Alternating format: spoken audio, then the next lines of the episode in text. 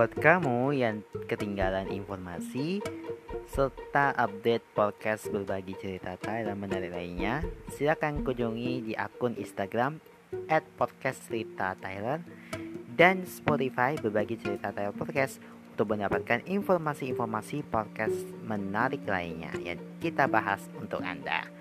Jangan lupa juga untuk selalu follow akun Instagram at mata underscore underscore dan Twitter at Demata Saputra untuk mendapatkan informasi mengenai program-program unggulan lainnya. Selamat mendengarkan. Halo, selamat datang di podcast Berbagi Cerita Tyler Season 4.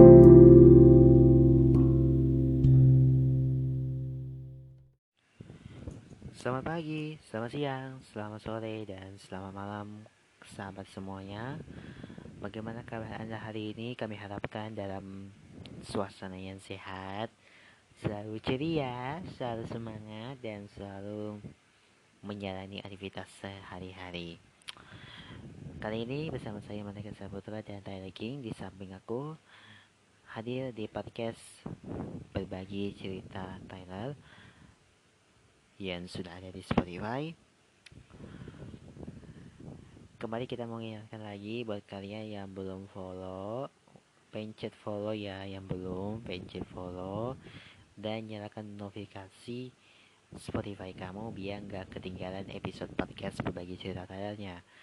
Dan jangan lupa juga untuk follow akun Instagram kita at podcast cerita dan juga di Spotify berbagi cerita Thailand Podcast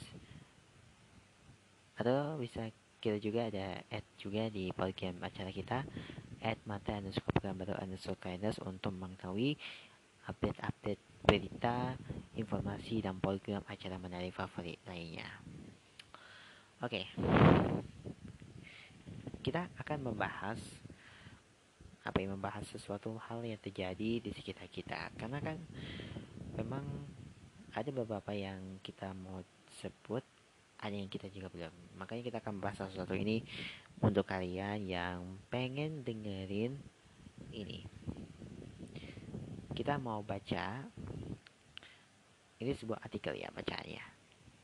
Kita hari ini mau akan bahas tentang tokoh inspiratif yang bisa dijadikan motivasi untuk kesuksesan hidup uh, pastinya semua orang yang ada di dunia pernah mengalami kegagalan. Namun kegagalan kegagalan itu bukanlah akhir dari segalanya. Kegagalan itu merupakan awal dari sebuah kesuksesan. Dari kegagalan tersebut, ada dapat mengambil hikmah dan pelajarannya serta dari kegagalan itu menjadikan kemampuan Anda itu menghadapi masalah mengatasi menjadi meningkat. Terdapat cara untuk mengatasi kegagalan tersebut. Hal yang paling penting untuk mengatasi dan sebagai pendorong adalah sebuah motivasi yang muncul dari diri sendiri atau orang lain.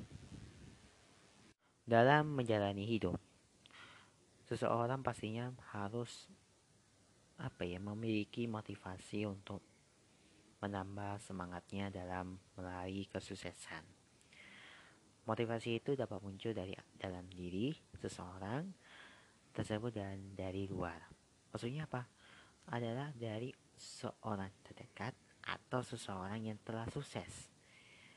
Kan biasanya itu kan motivasi seseorang itu kan dalam mencapai kesuksesannya adalah terinspirasi dari orang lain. Inspirasi tersebut datang dari orang yang telah sukses di hidupnya. Kegagalan hanyalah kesuksesan yang tertunda. Begitu kata pepatah lama yang sering dipakai orang untuk pembelaan ketika gagal. Memang, ucapkan ungkapan itu terkesan hanya sebagai dalih. Tapi kenyataannya, memang banyak tokoh yang berkali-kali gagal tapi kemudian sukses besar Bukan mustahil kita bisa masuk ke golongan yang sama dengan tokoh-tokoh tersebut. Meski itu, meski itu saja, tak ada yang mau berharap gagal dalam hal apa pun. Tapi tak ada salahnya kita belajar dari kisah mereka.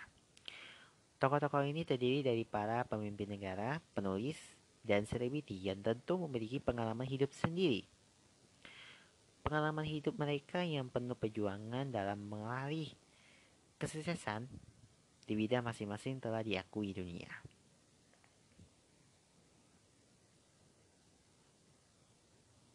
Fungsi motivasi untuk setiap orang. Kita mulai yang yang pertama dulu, menentukan arah yang ingin dicapai. Sahabat Tyler, motivasi dapat berfungsi sebagai pengarah, maksudnya untuk motivasi dapat menunjukkan arah terhadap kegiatan yang dilakukan oleh uh, seorang individu sesuai dengan tujuan yang ingin dicapai. Dalam hal ini, ada dua jenis arah yang bisa dicapai, yaitu arah yang positif dan arah yang negatif. Menyelesaikan perbuatan. Seseorang yang tertanam motivasi di dalam dirinya itu akan melakukan upaya tertentu dalam melakukan tindakan yang akan dilakukannya demi mencapai hasil yang diharapkan. Dengan demikian, motivasi berfungsi sebagai penyeleksi untuk membantu individu membuang perbuatan yang tidak berkaitan dengan tujuannya. Menentukan cepat atau lambatnya suatu tindakan. Motivasi juga dapat berfungsi sebagai promotor, yaitu pemesin penggerak yang memberikan kekuatan bagi individu untuk melakukan sesuatu tindakan tertentu. Misalnya itu, seseorang yang termotivasi akan menentukan upaya apa yang harus ditempuh agar tujuan semakin cepat dicapai. Ya, meski sukses tentu jadi impian ya setiap orang, tapi meskipun sukses berbeda dengan orang lain, tapi tidak ada salahnya untuk tahu resep di balik sukses orang hebat. Pastinya tiap individu pasti punya tokoh inspiratifnya masing-masing. Kita kita masuk ke segmen tokoh inspirasi. Tokoh inspirasi yang pertama adalah Stephen Hawking. Profesor Stephen Hawking ini menjadi sosok inspiratif dunia yang membuat sebagian besar orang akan malu untuk mengeluh. Dengan keterbatasan fisik yang dialaminya, Hawking tetap menghasilkan berbagai karya ilmiah yang berguna bagi banyak orang. Penyakit salap yang dideritanya telah membuat Hawking tak lagi bisa belajar dari kursi rodanya selama hampir 42 tahun. Bukan hanya itu saja, pria ini bahkan sudah tidak bisa lagi berbicara sampai 28 tahun. Namun semua itu bukan alasan bagi Hawking untuk terus berkarya dalam bidang sains. Berikutnya, Oprah Winfrey. Wanita yang lahir di Coisio, Mississippi, ini terakhir dalam keluarga broken home. Kehidupannya bersama ibunya yang telah memasakkan memilih tinggal bersama sang ayah. Didiknya kan seorang ayah yang ketat dan selalu mewajibkannya membaca buku serta membuat akuman setiap akhir pekan justru membuat dirinya menjadi pribadi yang disiplin, cerdas, tegas, dan percaya diri. Bahkan sang ayah tidak akan mau mengambil lapornya kecuali Oprah mendapat nilainya E. Selepas SMA, ia mulai merintis karir di dunia televisi. Bukan Oprah menjadi wanita berkulit hitam pertama dan termuda yang menjadi pembawa berita di stasiun televisi saat itu. Hingga akhirnya ia diamatkan untuk membawakan acara The Oprah Winfrey Show yang selalu menuai rating tinggi selama 25 tahun penayangannya. Meskipun memiliki karya yang gemilang, masa lalu Oprah yang kelam justru membuat hatinya tergerak untuk membantu sesama. Oprah tidak pernah lupa untuk berbagi pada sesama, mulai dari melakukan kegiatan amal secara rutin di berbagai yayasan, rumah sakit, sekolah, dan juga rehabilitasi. Bahkan ia kerap memberikan beasiswa kepada wanita berprestasi hingga berkat kerendahan hatinya tersebut ia mendapatkan pendidikan The Greatest Black Priambosis di American Story. Bill Gates Bill Gates adalah seorang tokoh bisnis, investor, filantropis, penulis asal Amerika Serikat. Serta mantan CEO yang saat ini menjabat sebagai ketua Microsoft. Perusahaan perangkat lunak yang ia dirikan bersama Paul Allen, dia kini dikenal sebagai orang terkaya di dunia dengan kekayaan bersih 103,1 miliar dolar Amerika Serikat pada tahun 2019. Meski kini hidup bergemilang harta, bukan berarti Bill tidak pernah mengalami kegagalan. Justru ia telah berkali-kali gagal saat mendirikan perusahaan Microsoft. Berbagai kesulitan yang ia lalui dengan berprinsip bahwa kegagalan akan membuatkan hasil. Berkat usaha keras dan tidak pernah putus asa, Microsoft kini menjadi salah satu perusahaan raksasa yang memberikan kekayaan berlimpah. Berikutnya, Albert Einstein. Bicara tentang tokoh inspiratif, kita tak mungkin melupakan sosok Albert Einstein. Ilmuwan terbesar dalam abad ke-20 ini telah menjadi inspirasi bagi banyak orang di dunia. Ia memutarkan teori relativitas dan juga banyak menyumbang bagi pengembangan mekanika kuantum, mekanika statistika, dan kosmologi. Namun siapa sangka jika beliau ini pernah dianggap menderita cacat mental. Hal ini dikarenakan pertumbuhannya yang tidak normal. Ia baru bisa berbicara di usia 4 tahun. Di mana hal tersebut tidak wajar namun keterlambatan pertumbuhan tidak membuat cacat selamanya. Ia justru menganugerahinya otak cerdas sehingga mampu membuatnya menjadi seorang fisikawan yang sukses. Tentu saja kesuksesannya tidak luput dari kerja keras dan kesungguhan dalam berusaha.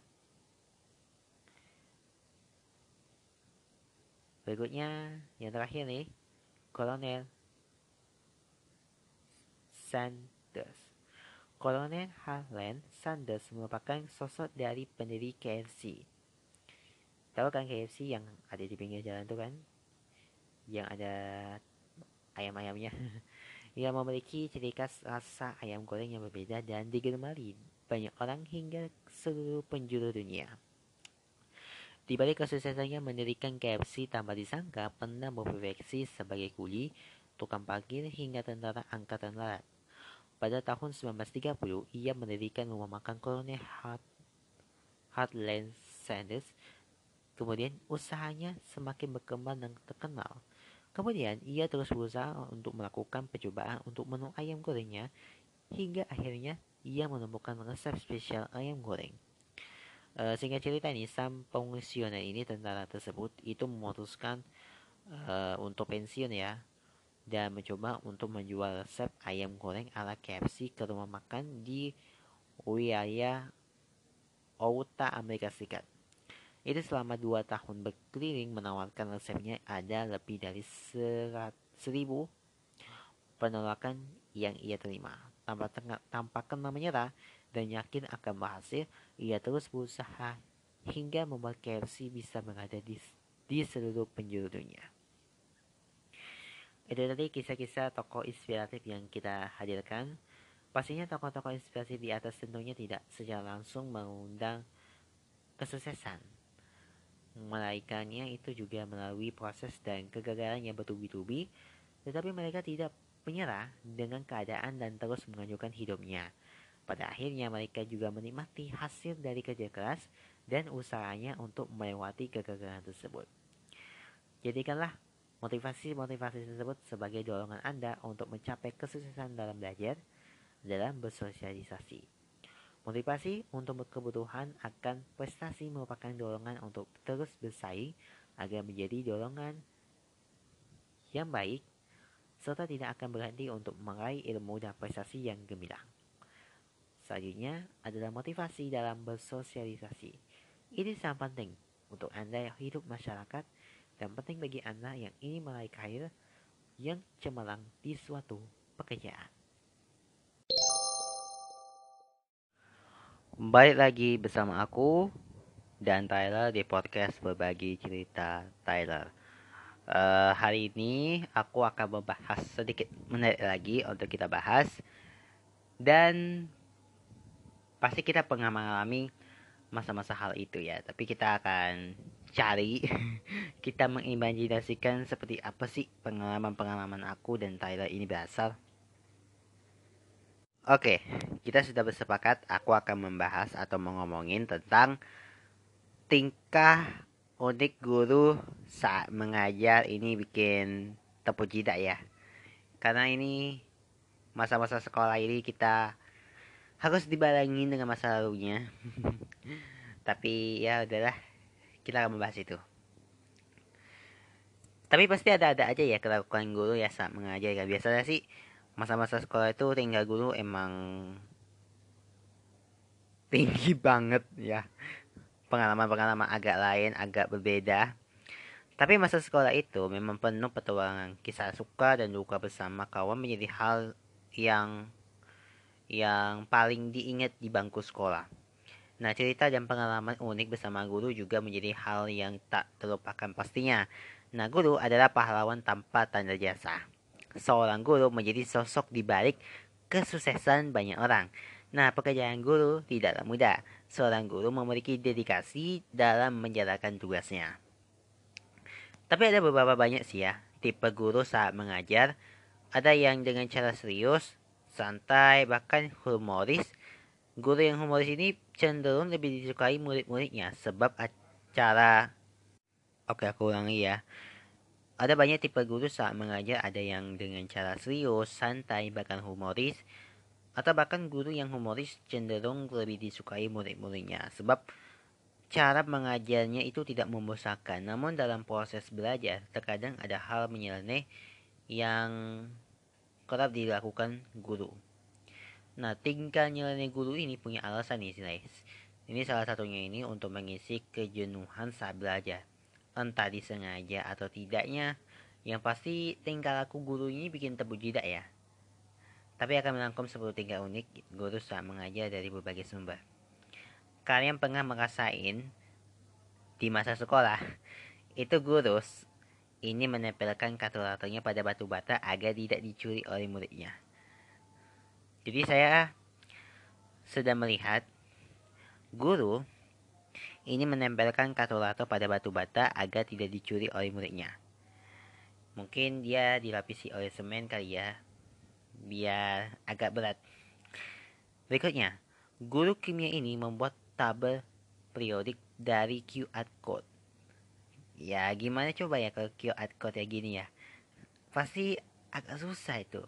Maksudnya itu kalau cari di tablet tablet atau apa tabel periodik itu bisa lewat buku kimia atau buku-buku referensi lain aku bisa cari di internet ini mah pakai barcode ya nggak mungkin lah satu-satu semua di situ hmm.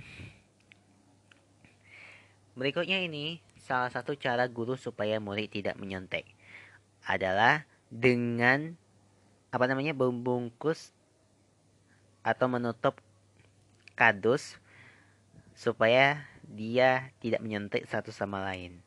Dan dia saling berjarak. Dan dia sedang mengerjakan ulangan atau enggak ujian tapi bikin nyakak banget. Oke yang keempat. Nggak bakalan bisa nyontek kalau begini nih. Guru sedang di atas tapi murid-muridnya ini lagi bercerita. Kadang-kadang lagi belajar kadang-kadang lagi tidur kadang-kadang lagi ngomong sama teman. Guru itu melihatin aja nih. Yang berikutnya ini guru ini menjelaskan kesalahan muridnya dalam bentuk ilustrasi.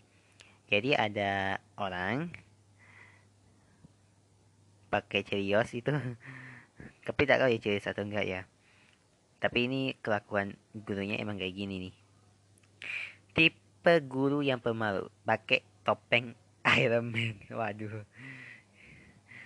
Berikutnya nih, ketika murid baru bergabung di kelas seni dan tidak memiliki pas foto, ini yang dilakukan guru seni adalah mengkarikatur peserta didik barunya ini.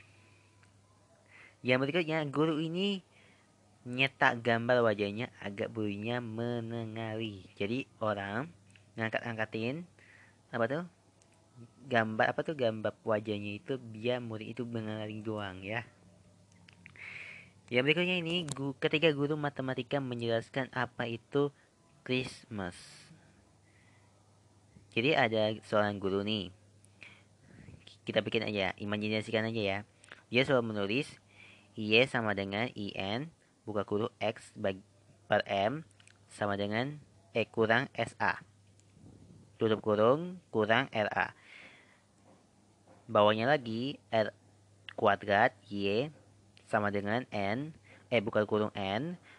Buka kurung S per M kurang SA. Tutup kurung. E R kuadrat Y sama dengan X kurang M kurang SA ME kuadrat Y sama dengan S kurang SAM ini yang betul ya. ME R nya 2 RRY sama dengan S kurang MAS jadi Christmas. Ketika guru matematika menjelaskan apa itu Christmas emang kelakukan ini memang baik kali ini Nah yang terakhir ini, ini guru kimia ini pasti penggemar Lady Gaga nih, sambil tabel periodik dibuat kayak gini. Aduh ini nggak nyelasin apa ya, agak bingung gua. Oke, sejarah pelajaran matematika itu dianggap banyak orang sebagai momok yang mengakutkan dan sulit dipelajari ya sahabat Tyler. Tak heran banyak cara dilakukan oleh seorang guru agar muridnya tertarik untuk belajar matematika. Nah, seperti kelakuan guru matematika saat mengajar yang bikin muridnya ini tersenyum. Ya, kelakuannya guru matematika yang sangat totalitas dan saat mengajar itu ingin menyita perhatian. Mulai dari guru matematika memakai kaleng, makanan sebagai pengganti penggaris, hingga ada guru matematika yang menulis di penjelasan itu di lantai. Ini apa ya membuktikan itu totalitas guru itu matematika itu sangat mengajar gitu. Kelakuan penuh totalitas saat mengajar ini bikin geleng-geleng kepala guys. Saking unik ini kelakuan guru nih matematika yang totalitasnya saat mengajar ini sampai diabadikan pada murid dan disebarluaskan ke media sosial. Akhirnya jadi viral Siapa sangka nih kelakuan guru matematika ini menjadi sorotan hingga viral guys. Jadi banyak netizen bernostalgia menyaksikan kelakuan guru matematika saat mengajar. Nah penasaran kan melihat kelakuan guru matematika saat mengajar? Nah berikut kami akan merangkumnya dari berbagai sumber kelakuan guru matematika saat mengajar yang bikin kamu senyum. Kita mulai yang pertama. Tidak ada penggaris sikaran pakai garing makanan pun tak jadi masalah. Jadi ada guru, dia membuat judul persamaan lingkaran. Dia penggaris lingkaran itu dipakai kaleng makanan ya guys. Jadi setiap hari itu kaleng makanan itu dibawa. Berikutnya ini, habis menjelaskan persamaan lingkaran langsung tertidur. Ini seperti kayak ada mimpi ya, mimpi yang termasuk gitu ya. Berikutnya, tidak ada penggaris pakai kain pel pun tak masalah. Ya, itulah. Yang nggak pakai kursi juga dong, Pak. Saat menggaris, aduh. Ini udah pernah ya. Kita lanjut. Astaga pak, sampai dijatuhin di lantai doang pak. Jadi ada guru sambil nulis di lantai guys. Ini saking fotonya lucu dan viral semua nih guys. Sahabat Tyler, ini salah satu tempat yang paling nyaman ya saat menikmati mata pelajaran adalah barisan duduk belakang. Nah biasanya si murid-murid santuy ini akan memilih uh, posisi ini untuk menghindari pandangan guru. Hasilnya ini selalu ada sih aktivitas menarik yang dilakukan oleh para murid barisan belakang ini seperti yang ditunjukkan oleh deretan meme di bawah ini yang tentunya kocak abis. Dari dulu muridnya barisan belakang memang terkenal sebagai pemahat ulung. Gurunya, tolong meja dan kursinya jangan dirusak ya, murid bangku belakang. Wah. Iya, nggak bikin pesawat kertas kok, tapi malah bikin ngangkat helikopter benar nggak itu? Gurunya, jangan ada yang bikin pesawat kertas. Murid-murid bangku di belakang. Uh. Gak cuma saat di kelas doang guys. Gak cuma saat di kelas doang.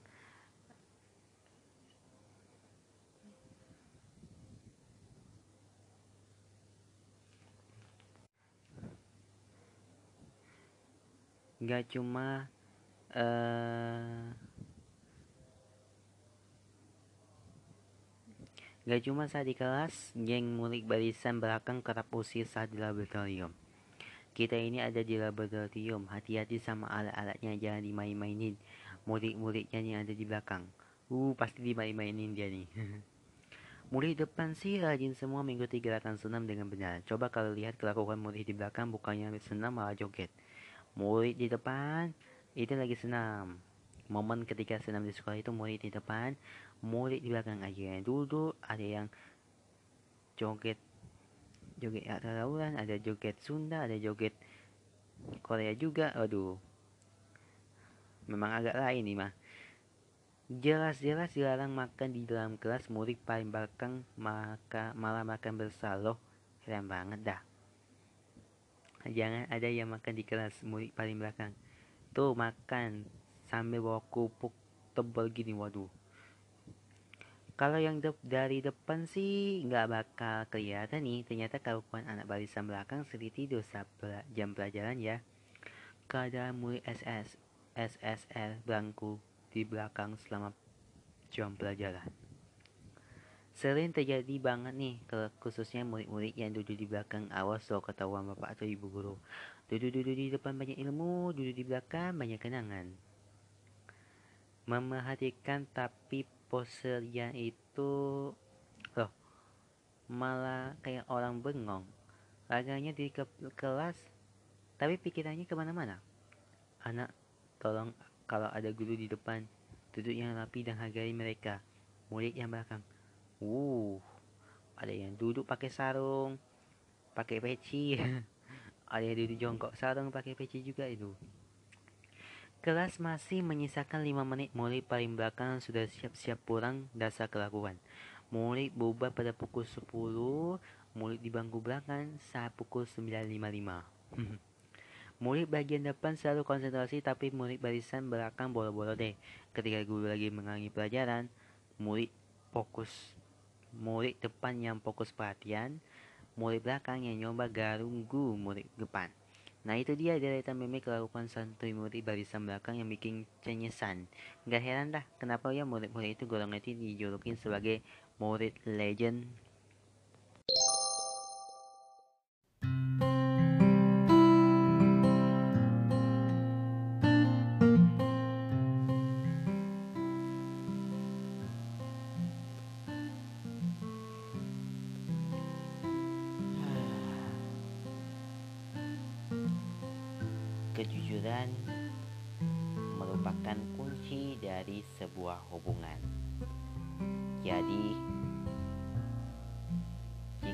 bisa memasukkannya, hubunganmu berhasil. Kemalasan tidak lebih dari kebiasaan istirahat sebelum lelah. Kalau kamu tidak mau sekali-sekali terlihat bodoh tidak ada akan ada hal besar yang akan terjadi padamu. Jadilah seperti nanas, berdiri tegak, menenangkan mahkota, dan manis di dalamnya. Jangan pernah berdebat dengan orang yang bodoh, karena orang lain yang melihat tidak akan bisa menebak siapa yang paling bodoh. Jangan menganggap hidup terlalu serius karena kamu tidak akan pernah keluar hidup-hidup. Jangan pernah menunda sampai besok apa yang dapat kamu lakukan lusa. Kritik yang jujur sulit diterima, terutama yang berasal dari kerabat, teman, kenalan, atau orang asing. Jika kamu membiarkan kepalamu menjadi terlalu besar, itu akan mematahkan lehermu. Seorang laki-laki sukses adalah yang bisa menghasilkan uang lebih dari yang dihabiskan istrinya. Seorang wanita itu sukses adalah yang bisa mencari laki-laki seperti itu. Jalan menuju sukses dipenuhi dengan banyak tempat parkir yang menggoda. Berian hanyalah bongkahan batu bara yang bekerja dengan baik di bawah tekanan. Pengetahuan itu seperti pakaian dalam. Memang bermanfaat untuk memilikinya, tetapi tidak terlalu, tidak perlu untuk dipamerkan. Persahabatan itu seperti kencing di celana. Semua orang bisa melihatnya. Tapi hanya kamu yang mendapatkan perasaan hangat yang dibawanya. Mencoba adalah langkah pertama menuju kegagalan. Bekerjalah sambil rekening bankmu terlihat seperti nomor telepon. Orang sering berkata bahwa motivasi tidak bertahan lama. Ya, begitu pula mandi. Itulah mengapa kami merekomendasikan setiap hari. Hidup itu seperti saluran pembuangan. Apa yang keluar tergantung pada apa yang kamu masuk ke dalamnya. Aku tidak gagal dalam ujian, Aku baru saja menemukan 100 cara untuk melakukan kesalahan. Aku dulu berpikir saya ragu-ragu, tapi sekarang aku tidak begitu yakin. Kebahagiaan hanyalah kesedihan yang belum terjadi. Cara terbaik untuk mengajari anak tentang pajak adalah dengan mengkonsumsi 30% es krim mereka semuanya berubah. Orang-orang menganggap serius komedian dan politisi sebagai lucu. Tidak apa-apa jika kamu tidak menyukaiku, karena tidak semua orang memiliki selera yang bagus. Jika kamu terlalu berpikiran terbuka, otakmu akan rontok. Cara terbaik untuk menghargai pekerjaan adalah membayangkan dirimu tanpa pekerjaan. Jika kamu berpikir tak ada seorang yang pun yang peduli padamu, cobalah mengunggah hutang. Saat hidup memberimu lemon, ceripatkan airnya ke mata seseorang. Terimalah diriku dirimu sendiri kecuali jika engkau pembunuh berantai. Aku menemukan satu cara untuk tampak kurus. Bergaulah dengan orang-orang gemuk. Hidup itu sulit, lebih sulit jika kamu bodoh. Uang tidak akan membuatmu bahagia, tetapi semua orang ini mencarinya untuk dirinya sendiri. Wanita yang berperilaku baik jarang membuat sejarah. Apa pun yang kamu lakukan selalu memberikan 100% kecuali jika kamu meneruskan galanya. Berpikirlah seperti proton selalu positif. Tidak semua badai datang untuk mengganggu hidupmu.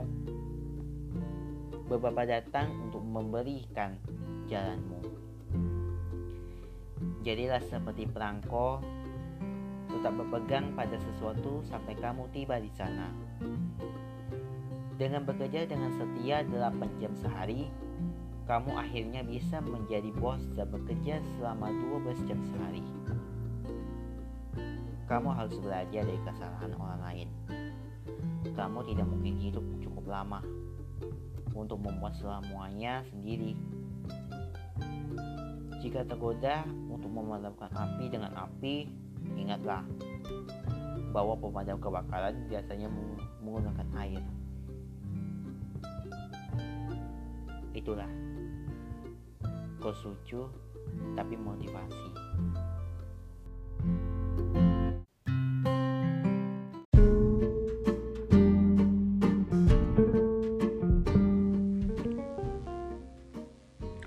Aku bukan pemalas. aku sedang menjalankan mode hemat energi.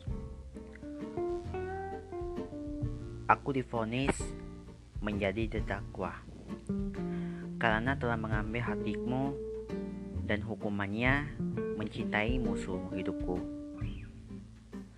Aku ingin mencintaimu selamanya, tapi aku nggak bisa hidup selamanya. Aku mah nggak gendutan, cuman lagi seksi aja yang kebablasan. Aku memang pendiam. Diam-diam aku jatuh cinta padamu. Anda sopan, kami curiga. Belajarlah dari tuyul. Masih kecil tapi pintar cari duit. Berhentilah mencari orang yang sempurna. Cukup cari orang yang punya uang, mobil, dan rumah. Cantik itu apa? Cantik itu relatif. Tergantung posisi kamera serta intensitas cahayanya. Cantik itu relatif. Tergantung letak kamera dan intensitas cahayanya. Cantik gak harus putih, tapi mesti perempuan. Cinta itu buta. Tapi cinta itu tahu mana mobil, mana motor. Cinta itu gak bisa dihitung. Kalaupun dihitung namanya bukan cinta, tapi matematika. Cinta laksana pembodohan. Hanya karena namamu saja sudah membuatku gila. Cintailah seorang wanita saja. Dua wanita terlalu banyak. Apalagi tiga lebih baik daripada tidak ada. Cintailah tetanggamu sebagaimana kamu mencintai istrimu. Tapi awas jangan ketahuan mertua atau bini bisa-bisa digampar. Cuek adalah kata, tapi nyuekin itu pilihan. Cuma mau mengingatkan sudah musim hujan, hati-hati alis hilang. Di mana ada kesempatan, di situ ada dana umum. Di mobil kamu ada yang wangi, kalau di mata kamu ada pelangi. Hebatnya anak muda zaman sekarang. Gak ada yang tua. Hidup itu sederhana. Goreng, angkat, lalu tiriskan. Sorry ya, cicaknya ada yang lewat tadi. Yuk kita lanjutkan. Hidup pasti banyak rintangan Kalau banyak rintangan berarti catering Hukuman gantung aja udah diganti tembak. Kenapa kamu masih gantung aku? Tembak dong. Iman itu kayak tato. Baru punya dikit, diunjuk-unjukin mulu. Istiqomah itu berat. Yang ringan mah istirahat. Jangan berhenti untuk melangkah, apalagi saat melintas sendirian di kuburan pada malam hari. Jangan biasakan dirimu bergantung pada orang lain, apalagi bergantung di pohon sambil makan pisang. Jangan kebanyakan kasih kode, salah tiga kali, hatinya bisa keblokir. Jangan membenci dirimu sendiri, karena itu tugas orang lain. Jangan mentang-mentang kamu anak gaul, pasti kerja anjing, bukannya lari, malah bilang, terus gue harus kabur sambil bilang wow gitu. Jangan rindu. Berat. Kamu gak kuat biar aku saja yang merindukan. Sekalipun bertambah berat badanku. Jangan sombong kalau jadi atasan. Di pasar atasan diobar 10 ribu dapat tiga Jangan suka membohongi dirinya sendiri, karena membohongi dirimu sudah jadi tugas orang lain. Jika ada orang yang menyebutmu jelek, janganlah berputus asa. Belum tentu orang tersebut berkata bohong. Jika sabar adalah barang yang diperjualbelikan, maka perhatianku akan kehadiran dirimu ini sudah membuatku menjadi gelendangan. Jika seseorang melemparmu dengan batu, balaslah dengan bunga. Sekalian dengan potnya. Jika terlalu menjaga image, hidupmu hanya sebatas JPEG. Jomblo si strong. Ya, stres tak tertolong. Kalau Anda belum bisa mencapai nomor satu pada bisnis Anda, tembakkan rudal kepada orang yang di depan kita. Kalau kamu sedang keluarkan tawamu, kalau kamu sedih keluarkanlah nangismu. Tapi kalau kamu malu, jangan keluarkan kemaluanmu. Kalau aku disuruh milih hidupku, apa hidupmu? Pasti aku akan memilih hidupku karena hidupku adalah kamu. Kamu tahu apa persamaan rasa sayangku ke kamu dengan matahari? Persamaannya adalah sama-sama terbit setiap hari dan hanya akan berakhir sampai kiamat. Kata orang tua, jangan menikah dengan warga sekampung. Menikahilah cukup dengan seorang wanita saja.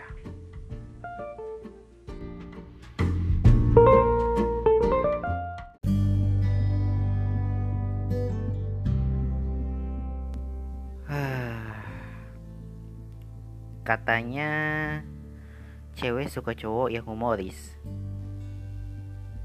Tapi buktinya mereka lebih seneng sama Ayando dibanding Cak Lontong. Katanya Stres gara-gara kerjaan ngumpuk. Biar nggak stres, kerjaannya nggak usah ditumpuk. Kejujuran adalah kunci dalam suatu hubungan. Kalau kamu bisa memasukkannya, berarti aman. Kerja keraslah sampai tetangga berpikir rezekimu hasil dari pesugihan. Kesuksesan seseorang selalu berawal dari mimpi. Jika begitu adanya, marilah kita tidur. Ketika kamu malas, bukan berarti kamu pin, bukan berarti kamu rajin. Kunci kesehatan cuma satu, yaitu jangan sakit. Kunci sukses suatu hubungan adalah selalu membersihkan history chat. Lebih baik ditertawakanlah karena belum menikah daripada tak bisa bertawa setelah menikah. Manusia boleh berencana, tapi saldo juga yang, yang menuntutkan. Manusia menciptakan ponsel. Ponsel makin pintar, manusia tidak. Masa depan yang cerah selalu tergantung kepada masa lalu yang dilupakan. Tetapi masa lalu yang indah tak mudah untuk dilupakan. Mau mandi males harus jalan ke kamar mandi. Ada toilet online. Nggak ya biar dianterin. Mencintai itu wajar. Yang nggak wajar itu mencintai bapakmu mungkin kamu perlu makan makeup deh biar kamu bisa cantik dan di dalam juga nabung setengah mati habisinya setengah das sadar Orang baik sekarang udah kayak tabung gas 3 kg soalnya langka. Orang bilang cinta itu dikejar. Jadi nggak usah heran kalau sampai sekarang aku masih mengejar kamu. Orang bodoh lebih mudah bahagia dengan kebodohannya. Orang-orang berkata jangan lupakan sejarah, tapi aku lebih suka menutup sejarah dan membuka lembar naskah baru bareng kamu. Pekerjaan seberat apa pun akan lebih terasa ringan jika kita tidak mengerjakannya. Pembalasan yang sa paling sadis pada mantan adalah dengan jadi ibu tirinya. Rumah tangga itu rumit. Kalau sederhana, itu namanya rumah makan. Sahabat sejati nggak saling menilai, melainkan mereka menilai orang lain bersama-sama. Sakit hati dan sakit gigi itu sama-sama berawal dari yang manis.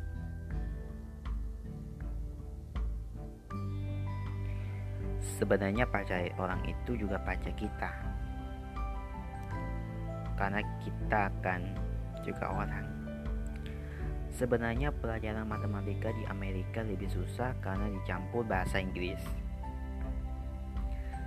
Seberat apa pun pekerjaan, apabila tidak dikejarkan, akan terasa lebih ringan. Sebuah studi menyatakan bahwa kedadakan ayah pada anaknya itu bagaikan kedadakan anak pada ayahnya. Secapek-capeknya kerja, lebih capek nanggur. Sekali menggayung, dua tiga hari pegelnya nggak hilang-hilang. Selalu ikuti kata hatimu, tapi ingat, bawalah otakmu juga ya.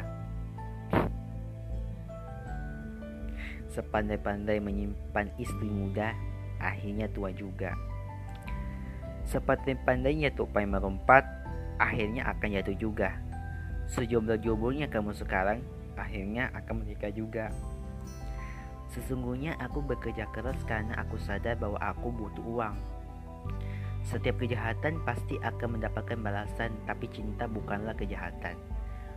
Makanya terkadang tidak mendapatkan balasan.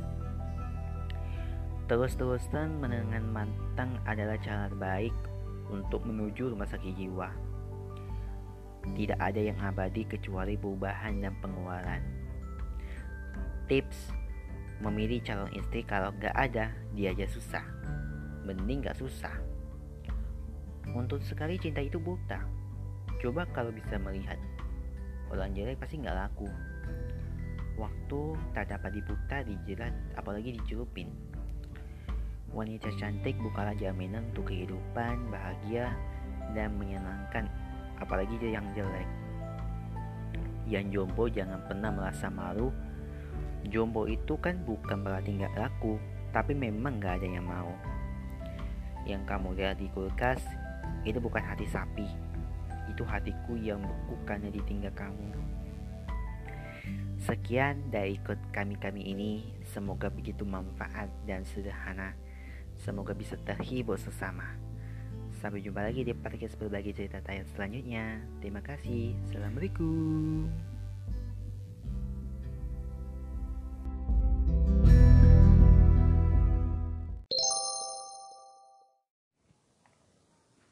Assalamualaikum warahmatullahi wabarakatuh Halo semuanya Bagaimana kabarnya hari ini Bagaimana kabar juga Tyler King Baik dong pastinya Dan bagaimana kabar juga sahabat pendengar Dan sahabat Tyler di mana pun kalian berada Semoga kita semua dalam keadaan kondisi sehat selalu Selalu diberikan kekuatan, selalu diberikan kesehatan Selalu dibebaskanlah dari virus dan penyakitnya ya. Karena setiap memiliki manusia tentu memiliki jiwa yang kuat dan raga yang sehat. Jadi itulah pepatah yang gua mungkin sempat mengalami dari dulu. Walaupun harus jatuh bangun, jatuh bangun, tapi akhirnya aku bisa membuktikan diri bahwa akulah seorang pemimpin pemimpi yang dikenal banyak orang.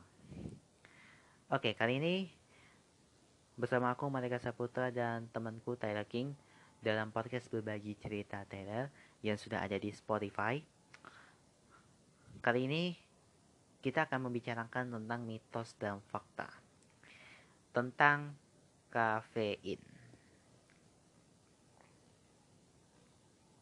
Sahabat Tyler, Ketika kamu mendengar kafein, salah satu yang terlintas di pikiran kamu pasti kopi.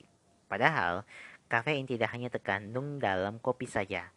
Kafein adalah zat alami yang ditemukan di daun, biji, dan buah-buahan. Selain kopi, kafein juga terkandung dalam teh, coklat, minuman bersoda, bahkan di dalam pil tian.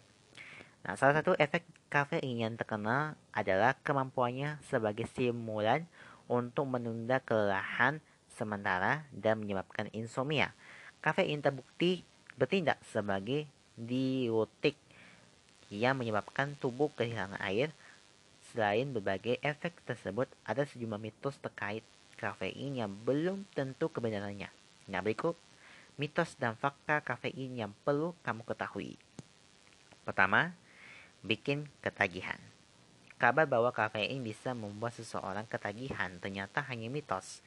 Nah, ketika konsumsi kafein secara teratur dihentikan secara tiba-tiba, eh, beberapa orang mungkin mengalami sakit kepala, kelelahan, atau kantuk. Gejala-gejala ini hanya bertahan satu hari atau lebih dan dapat dihindari jika asupan kafein dikurangi secara bertahap. Yang kedua, meningkatkan resiko penyakit jantung. Mitos lain yang beredar adalah kafein meningkatkan resiko penyakit jantung. Faktanya, konsumsi kafein tidak meningkatkan resiko penyakit kardiovaskular yang dan tak meningkatkan kadar kolesterol atau menyebabkan detak jantung yang lebih tidak teratur Peningkatan tekanan darah setelah konsumsi kafein sering dialami oleh individu yang sensitif terhadap kafein. Namun peningkatan itu mirip dengan yang dihasilkan dari aktivitas normal seperti naik tangga. Nah, berikutnya menyebabkan kanker. Alih-alih meningkatkan risiko kanker, kafein justru membantu tubuh untuk mencegah dan melawan kanker. Faktanya, Kafein mengandung antioksidan yang sudah dikenal khasiatnya untuk menangkal radikal bebas yang dapat merusak sel-sel tubuh. Kalau kamu ingin tahu informasi tentang seputar penyakit kanker, kamu bisa berdiskusi tentang dokter atau lewat aplikasi. Kamu bisa menghubungi dokter kapan saja dan di mana saja melalui via chat dan voice atau video call.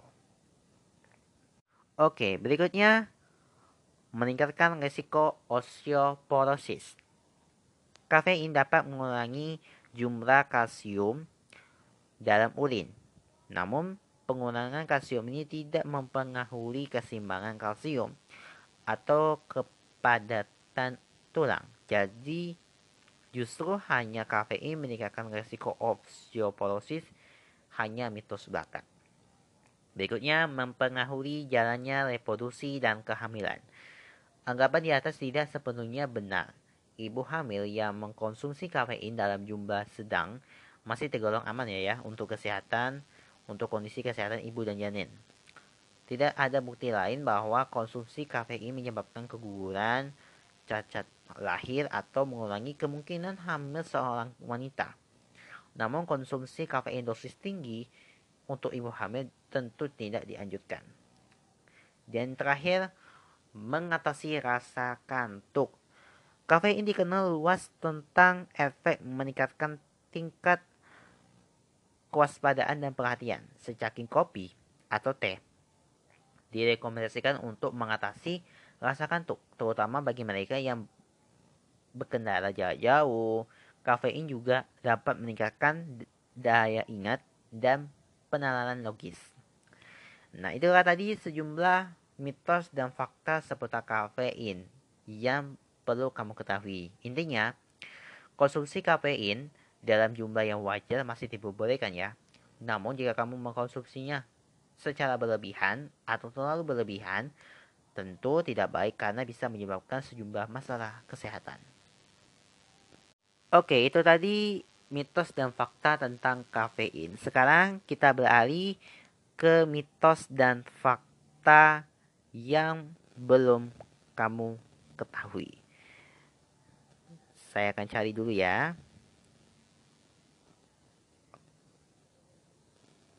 Oke.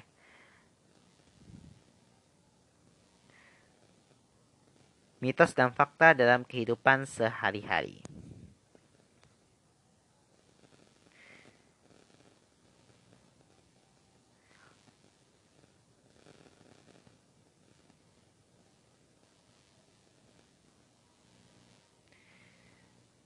fakta dan mitos sehari-hari yang mungkin belum banyak diketahui. Sahabat Tyler, jangan-jangan kita juga yang sering mengalami ini ya. Nah, sahabat Tyler, dalam kehidupan sehari-hari masyarakat Indonesia masih menyimpan banyak misteri dan kepercayaan. Rasanya di setiap daerah pasti memiliki patangan atau misteri tersendiri. Sama seperti bahasa dan adat istiadatnya. Misteri-misteri ini masih belum terpecahkan sampai hari ini. Dirangkum dari berbagai artikel maupun literasi, nah berikut adalah lima fakta atau mitos di tengah-tengah kehidupan masyarakat yang mungkin jarang diketahui.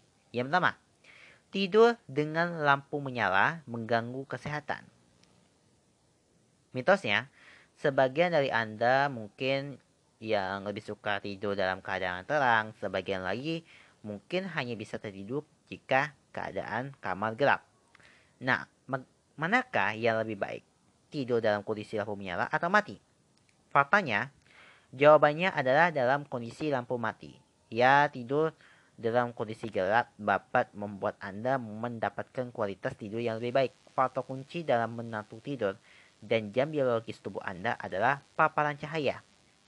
Nah, cahaya bisa menjadi acuan jam biologis untuk tubuh Anda karena cahaya yang diterima oleh mata bukan saja untuk membantu mata Anda melihat, tetapi juga dapat memberikan sinyal pada tubuh yang mengujukan waktu-waktu tertentu bagi tubuh. Nah, ketika mata terpapar oleh cahaya antara waktu pagi dan sore hari, cahaya tersebut menghambat sel saraf dan meningkatkan pelepasan hormon metatonit yang membantu Anda tertidur. Ini mungkin alasan mengapa jam sikadian tubuh Anda menunjukkan waktu tidur pada malam hari, bukan pada siang hari, ketika cahaya banyak diterima oleh mata Anda. Saat Anda tidur dalam kondisi lampu menyala, otak Anda mungkin tidak akan memproduksi hormon metatonit karena ia bingung apakah saat ini menunjukkan waktu malam atau siang. Yang kedua, memakan sayap ayam. Daging ayam merupakan makanan favorit hampir seluruh masyarakat di semua kalangan. Namun ada beberapa mitos yang sering dibahas di masyarakat. Kalau mitosnya, gadis yang memakan sayap ayam bisa jauh dari jodoh. Faktanya, dikhawatirkan remaja yang hormonnya tidak sedang tidak stabil akan jerawatan setelah memakan sayap ayam. Ketiga, memotong kuku di malam hari. Sahabat saya mungkin pernah ya memotong kuku di malam hari atau jarang memotong kuku di malam hari. Selain itu, bagi sebagian masyarakat Anda keyakinan bahwa tidak boleh memotong kuku yang dilakukan di malam hari. Mitosnya, tidak boleh potong kuku malam-malam. Nah, mitos ini hanya untuk menghindari tangan terluka saat memotong kuku di malam hari. Tapi ada sejumlah uh, kalau kita memotong kuku di malam hari, itu pasti ya apa tuh pahalanya dikurangi lah kalau salah. Itu semuanya apa ya pengingat ya. Kalau memotong kuku di malam hari itu hanya uh, ngulangin pahala aja, bukan menambahkan dosa. Berarti mengurangi pahala. Nyapu tidak bersih. Bagi masyarakat Sunda ada sebuah keyakinan jika remaja perempuan menyapu lantai tidak bersih, kelak akan mendapatkan suami yang bewokan. Faktanya, itu mitos ya. Faktanya, mitos ini dibuat untuk perempuan agar mereka menyapu dengan sungguh-sungguh. Yang terakhir, tidak boleh duduk di depan pintu. Mitosnya, anak gadis yang duduk di depan pintu nanti sulit mendapat jodoh. Faktanya, mitos ini hanya untuk mendidik perempuan agar berlaku sopan. Nah, itulah beberapa fakta atau mitos yang merebak di masyarakat selebihan tergantung kepada individu untuk mempercayai atau tidak sama sekali. Ada lagi nih sahabat Tyler. Banyak hal di dunia ini yang sering banget jadi perdebatan dan kadang orang sampai berantem dibuatnya. Hai bakalan jelasin 8 hal yang masih simpang siur di masyarakat kita. Langsung saja kita simak. Yang pertama, pipis di rel kereta bisa bikin kesentuh. Kata anak-anak IPA, air itu bisa menghantarkan listrik.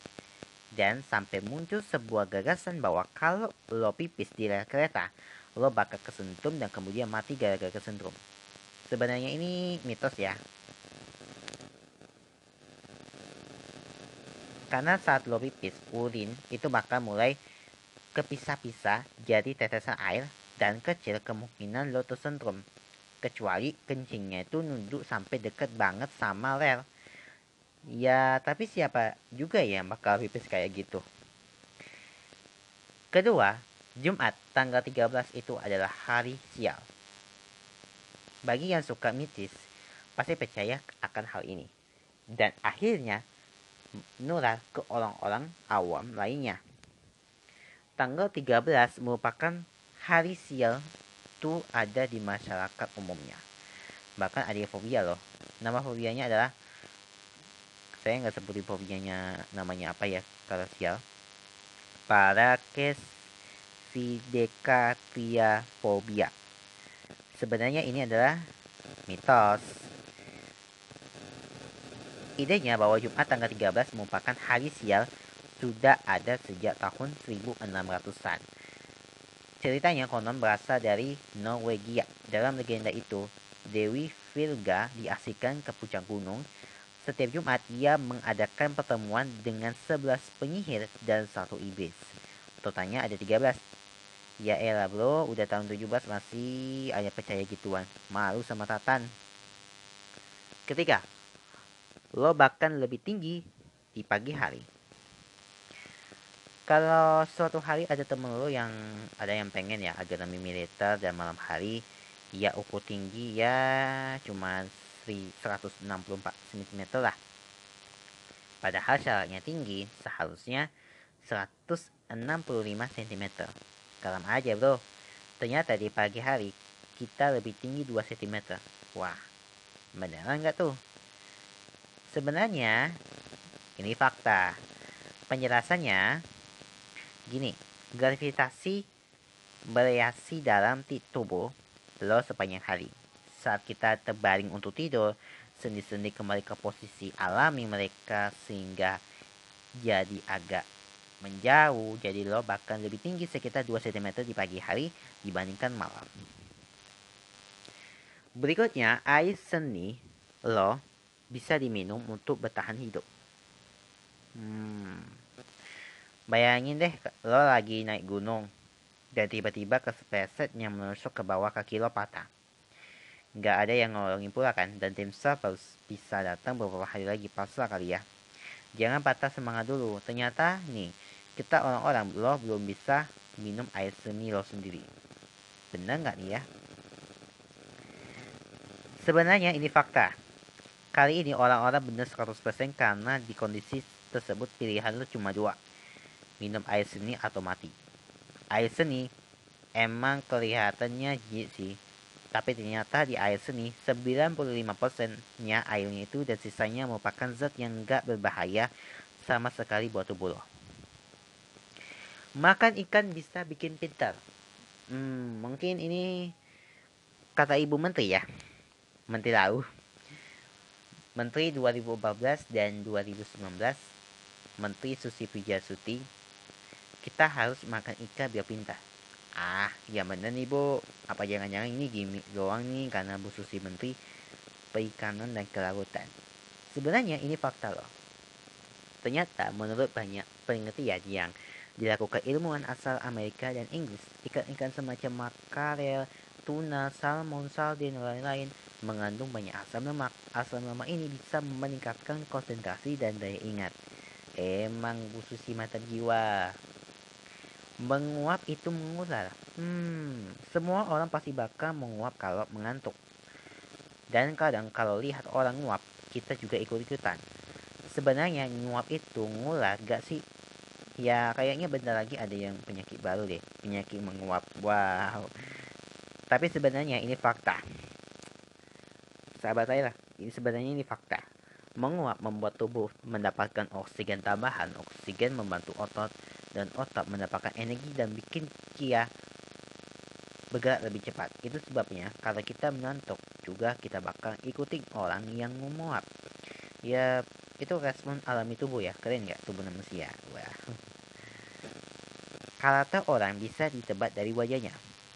Nah yang terakhir nih, kerjanya orang Indonesia nih. Sampai-sampai banyak buku tentang hal ini di toko buku. Biasanya sih cowok-cowok ya beli buat pamer atau bahasa lainnya gombal, kegebetan atau pacarnya. Biar dikata keren. Tapi sebenarnya ini hanya mitos.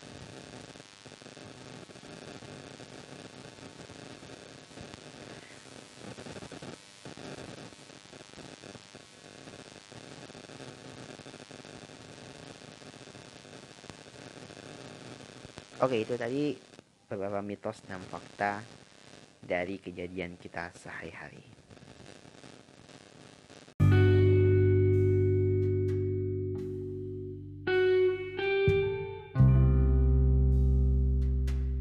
Berbagi cerita Tyler hanya di Spotify.